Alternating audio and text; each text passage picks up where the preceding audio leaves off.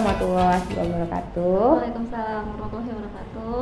Halo Mbak Nik. Mana? Iya. Akhirnya ketemu. Akhirnya ketemu. Kita sekarang udah di Bentang ya, Iya. udah nyampe di Bentang dan kebetulan suasana di luar tuh lagi hujan, Hujan. jadi kayak lagi syahdu ngantuk-ngantuk ya. Semoga eh, kita berdua nggak ngantuk. Nggak ngantuk. Oh, enggak, enggak, enggak, enggak. Kaget. Iya, kaget. Ya udah mulai dari memperkenalkan dulu dong gini. Mbak Nik ini nama lengkap siapa dan sekarang okupasinya atau hal yang sedang dijadikan concernnya yang paling besar itu apa? Oke, ya. Uh, Assalamualaikum, perkenalkan saya Khairun Nikmah, nama lengkap. Sekarang stay di Bogor, kegiatan dan membangun sebuah organisasi yang namanya Gemar Rapi. Di dalam Gemar Rapi itu ada komunitasnya, ada metode yang kita bangun bersama. Sebenarnya metode ini adalah uh, hasil dari perjalanan kita selama setahun dua tahun ke belakang. Di belakang kita eh, sering banget untuk dicurhati ya maksudnya eh, mengisi juga kegiatan berbenah. Dan di sana kita melihat eh, Indonesia itu unik dan tidak bisa sama dengan eh, negara luar jadi kita menerbitkan eh, meluncurkan yang namanya metode gemar api. Gemar api sendiri eh, berasal dari kata gemar ya gemar itu suka sekali. Dan definisi rapi ternyata di kamus besar bahasa Indonesia tidak sekedar eh, tertata apik tapi dia juga serba beres siap siaga dan eh, segala sesuatu yang menyenangkan dan tidak asal-asalan. Itu adalah definisi dari rapi. Kalau akronimnya sih gerakan menata negeri yang dimulai dari rumah dan pribadi itu gemar rapi Wah, ternyata sedalam itu ya yang lebih Eh. dari sekadar kalau kita memecah kata itu jadi Iya. apa. Hmm. Bagus sekali sih Mbak filosofinya. Kalau selama ini berarti Mbak Nikmah dan teman-teman udah berkutat dari tahun berapa tuh Mbak? kalau saya dari pribadi merintis Gemar iya. Rapi. Kalau Gemar Api sendiri resminya tanggal 5 September 2018. Nah, masih baru ya, baru tahun kemarin. Nah, tapi untuk perjalanannya memang kita kalau saya pribadi dengan suami memang dari masa kuliah sudah mengenal beberapa konsep berbenah ya, 5S, Japanese konsep. Terus eh, 2016 2017 tuh KonMari ada. Kemudian kita eh, kenal dengan beberapa senior yang juga pendiri Gemar Api dari Jepang, dari Australia. Jadi kita membuat suatu gagasan ini apa ya sebagai bentuk kontribusi kita karena kita sudah istilahnya mendapatkan pendidikan yang lebih baik. Jadi ini adalah kontribusi kita untuk Indonesia. Nah, untuk Gemar Api sendiri karena masih baru, jadi metode ini belum diaplikasikan ada hasilnya gitu, belum ada hasil yang kita lihat ya karena kelasnya aja baru bulan Februari ini baru mulai. Tapi untuk workshop uh, offline kita udah ada dan emang diapresiasi bagus dari masyarakat dan beberapa kementerian yang sudah mengundang. Untuk iya untuk Eh, mengisi kelas di sana ya, eh, memaparkan konsep dari Gemar Rapi itu Hmm. sendiri. Dan kalau kita tahu sama-sama tahu Mbak Nik sebelumnya sudah membuat buku Hmm, yang terbit iya. tahun 2018. Ya bisa dijelasin nggak Mbak isi garis besar dari bukunya dan kira-kira pesan apa yang ingin disampaikan gitu? Ya. Apa ini lebih dari sekedar metode atau ada cerita yang lebih personal? Hmm.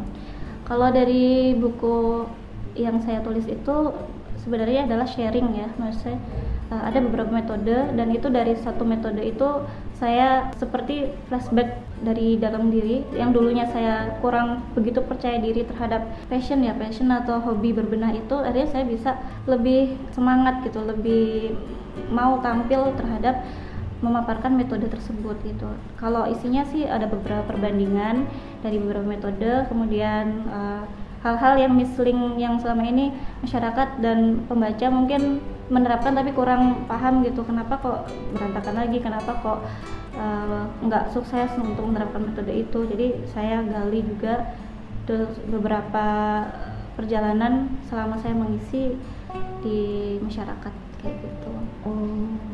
Ada personal cerita personal juga sih Iya, iya. Saya saya pasti gas besarnya di situ tuh karena orang-orang kebanyakan kan kalau ada sesuatu yang sedang hype lah misalnya ya, Hmm. itu langsung ingin mempraktekkan metodenya Hmm. gitu tanpa mungkin tahu bagaimana filosofi di baliknya.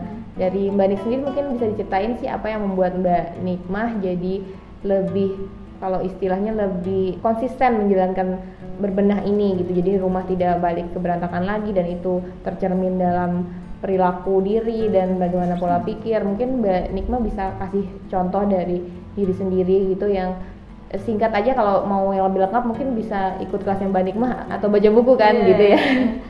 Sebenarnya dimulai dari pola pikir. Kalau selama ini kan kita menganggap berbenah itu sepele, udah kebiasaan lah gitu. Tapi karena selama ini berbenah tidak mengubah gaya hidup, nggak mengubah kebiasaan, nggak mengubah mindset, jadi seolah-olah melelahkan gitu dan itu ber- berulang kali seperti itu. Jadi makanya sebelum kita berbenah, kita harus look in maunya kita kayak gimana, terus kita harus mengenal diri sendiri karena berbenah itu personal, tidak bisa kita meniru-niru atau standar kerapian kita itu eh, melihat orang lain itu tidak bisa.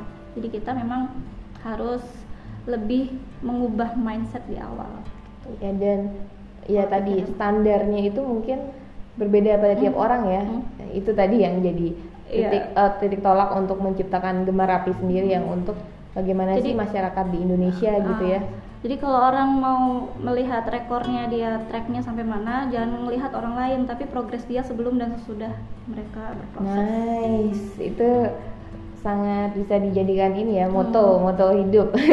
Ya kayak moto untuk diri- diri sendiri menata gitu. diri, menata negeri. Menata negeri. Oke. Dari diri dulu. dari diri sendiri. Tapi selama ini kan pasti tidak semuanya mudah ya Mbak ya perjalanan Benar tentu tentu saja ya dari beberapa tahun membangun ini ada nggak sih misalnya pengalaman dan atau masalah yang paling bisa paling sering dicurhatin oleh para pembaca maupun para peserta kelas itu tuh apa sih yang membuat kalian jadi makin semangat lagi untuk menggalakkan atau menyebarkan cara berbenah yang ini yang hakiki ini yang le- ya gimana ya bahasanya ya yang lebih lebih banyak lebih membumi lebih bisa menyentuh banyak orang. Nah dari masalah-masalah itu apa aja sih bisa dipaparkan? Yang sering mbak dengar dan nanti mungkin gimana tuh tawaran solusinya di awal?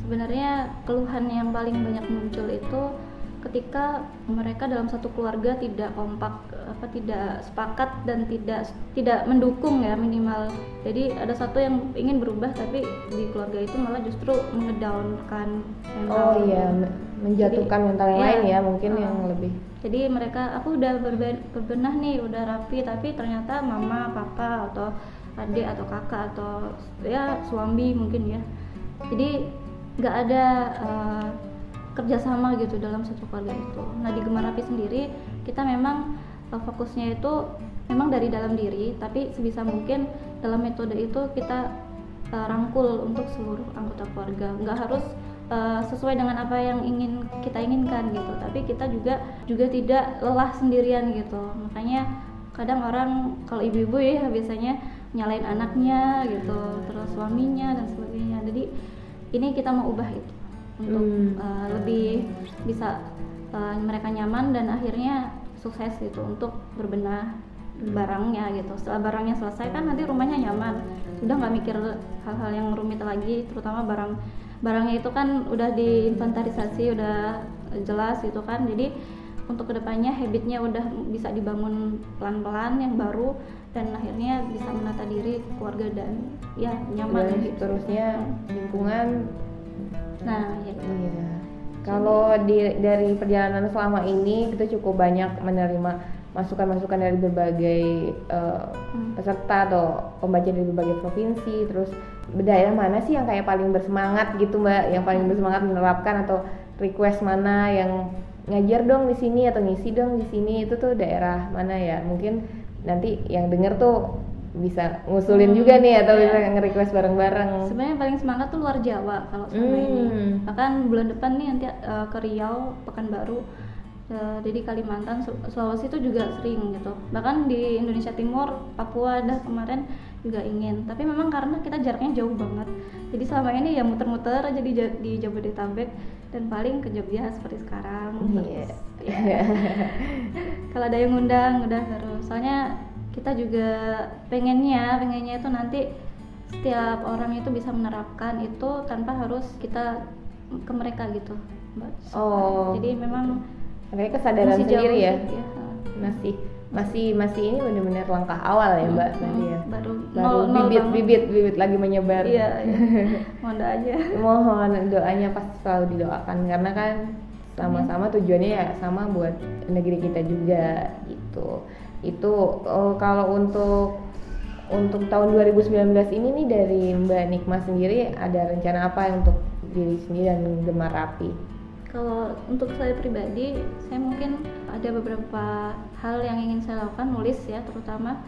Saya ingin ada nazar sebenarnya nazar untuk nulis itu mbak yang tadi saya ceritakan untuk- guru saya, untuk kakak kelas saya. Jadi itu udah lama belum saya wujudkan. Terus kemudian di masyarakat juga ingin lebih ya, terutama eh, untuk mengatur jadwal saya di dalam rumah sama keluar itu memang harus lebih di manage lagi biar berimbang. Kalau untuk Gemar Rapi sendiri eh, tahun ini targetnya mm. lebih ke kelas, kelasnya udah jalan Gemari Pratama sama Gemari Madya. Nanti Gemari Utama mungkin empat bulan lagi. Jadi itu kelas terus inginnya bikin buku Iya. karena masyarakat "Eh, mbak bikin dong gitu permintaan dari mereka dan pinginnya itu yang ikut kelas juga udah ada panduannya jadi nggak kosongan banget eh, Iya. menantikan materi itu Ah, targetnya sih gitu. tahun ini Iya. Semuanya sangat ini ya kayaknya menarik untuk dan semoga dilancarkan ya. Amin, amin. Iya. Untuk tadi kan sempat disebutkan kalau ada yang proyek khusus ya semacam tribute gitu. Nah, itu mungkin bisa merupakan bisa diketahui sama teman-teman di sini pendengar bahwa itu tuh merupakan usaha Mbak Nikmah juga untuk kayak kilas balik ke inner child Hmm. yang gitu bagaimanapun mungkin dari situasi yang sekarang itu terbentuk dari situ- situasi-situasi masa lalu. Nah, itu lengkapnya mungkin nanti bisa kita baca sama-sama di buku atau bisa reach Mbak Nik Mbak Nikmah di Instagram juga atau eh, langsung ke Gemar Rapi juga bisa. Cukup udah. ada Udah masih ada yang udah ya. ya ada satu patah kata lagi deh yang Apa? untuk menutup gimana sih Hmm, seharusnya kita bersikap sebagai manusia di tengah era digital yang Iya. serba semuanya sama sih saya juga sedang berproses berantakan ya, kita. pikiran dan kenyataan gitu Iya. Jadi hal yang paling utama kita harus terus membuka pikiran kita dengan cara banyak baca, banyak belajar dan jangan pernah uh, puas dalam satu titik yang di mana kita menjadi fix mindset. Kita harus grow terus gitu. Biar Hmm. kita tetap nggak mudah untuk diombang-ambingkan dalam situasi yang ya sekarang kan emang eranya emang era yang sangat cepat jadi kita mau nggak mau juga belajar pun juga harus cepat gitu dan jangan pernah malas untuk membaca. Udah. iya. karena itu kuncinya. Selama ini saya merasakan banget dari membaca itu banyak banget yang Membuka. akhirnya membuka pikiran. Seperti bentang kan ya? Eh, iya. Membentang Oke. kebaikan iya terima kasih Mbak Nik buat waktunya di sesi hari ini. Semoga kita bisa ketemu lagi di karya yang selanjutnya amin, amin. atau di kelas atau apa pun